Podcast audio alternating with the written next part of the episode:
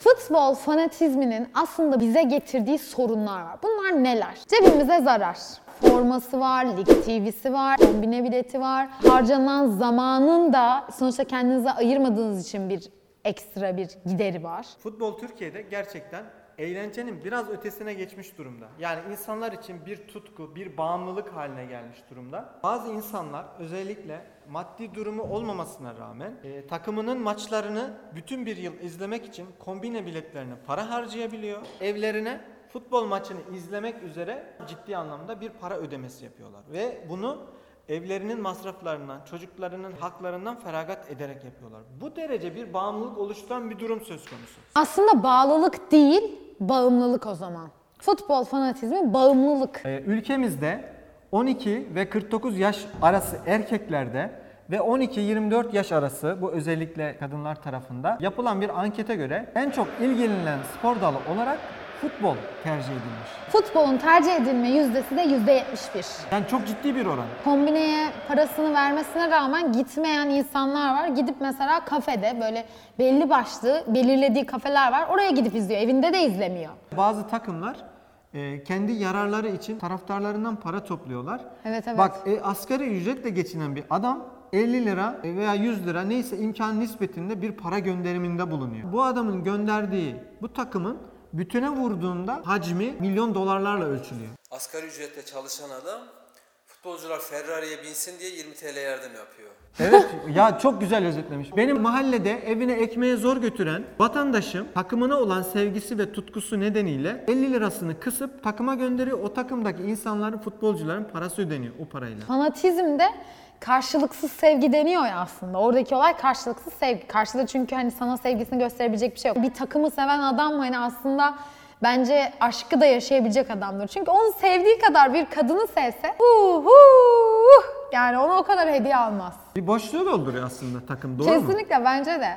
Yani hani sesini çıkarmayan, trip atmayan, ondan sonra benimle ilgilen diye bağırmayan, kendiliğinden hiçbir şey yapmadan oturduğu yerden sevgiyi kazanan bir futbol Aslında çok doğru yani. Bak mesela takımı bir kadına benzetiyor olman çok güzel Evet, bir bence- benzetme bence bence. öyle. Karşısında sevgisini aktaracak, tutkusunu aktaracak bir şey arıyor. Arıyor evet evet Evet, arıyor. Yani arıyor. bir şey yapacak onu. Muhtemelen karı koca ilişkilerinde de öyle oluyordur. Yani kocandan bir şey isteyeceksen sevdiği, fanatik olduğu takım yendiği zaman isteyeceksin. Tabii oğlum yaparız ya tabii. Niye? Çok mutlu çünkü yendi. Dünyada futbol transferleri başladığı zaman futbolla dönen paranın hacmi 200 milyar dolara ulaşıyormuş. 200 milyar dolar Türkiye'nin açığını, Borcunu kapatır. borcunu kapatır demeyelim de yani borcunun üçte biri seviyesinde. Ve bu sektörde 1 milyar insana istihdam sağlanıyor. Bu futbol sebebiyle. Futbol tabii ki sonuçta bir spor ve spor hepimiz için faydalı bir şey ve insanların hani eğlenmesine yönelik güzel aktivite icra ediyorsunuz. Film izlemek yerine futbolu izlemeyi tercih eder bir adam. Spor evet bir taraftan eğlence merkezli bir aktivite. Böyle bir tarafı da var ama bunun abartılarak hani fanatizme dönüşmesi, şiddete dönüşmesi, sahalarda hani insanların birbirlerine zarar verir seviyeye ulaşması bu ciddi anlamda bir üzerinde durulması gereken psikolojik bir problem gibi Yani geliyor. evet mesela şöyle.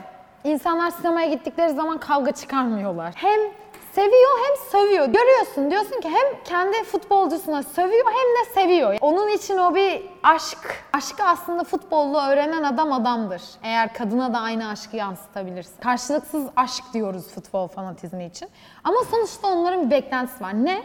O takımın o maçın sonucunda gerekirse 10 gol atsın yani. Niye o tatmin edecek adamı? Beklenti ve umutlarını aslında takımının başarısına bağlamış bir kitleden söz ediyoruz. Evet. Yani takımı başarı kazandığı zaman beklentileri, umutları yani hayalinde kurduğu her ne varsa gerçekleşmiş gibi hissediyor. Bir dönem ben de hatırlıyorum iki takımın taraftarları bir arada hiç kavga etmeden sahada maç izleyebiliyorlardı. Evet. Ama şu anda tel örgülerle ayrılmış, birbirlerini gördükleri anda boğabilecek, zarar verebilecek, birbirlerini hani neredeyse öldürebilecek şekilde hınç duyan, Ya çünkü, öfke duyan bir çünkü kitle var. şöyle bir şey var. Her takımı kitlesi belli bir karaktere sahip ve o agresifliğini artık hani o futbola yansıtmış. Burada bir insanın kendisini bir gruba veya bir topluluğa ait hissetme boşluğundan kaynaklanan bir sebeple o takıma olan aşırı bağımlılığı olarak değerlendiriyorum.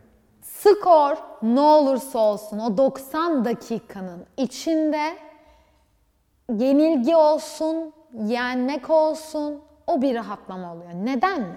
Çünkü herkes olduğu gibi orada.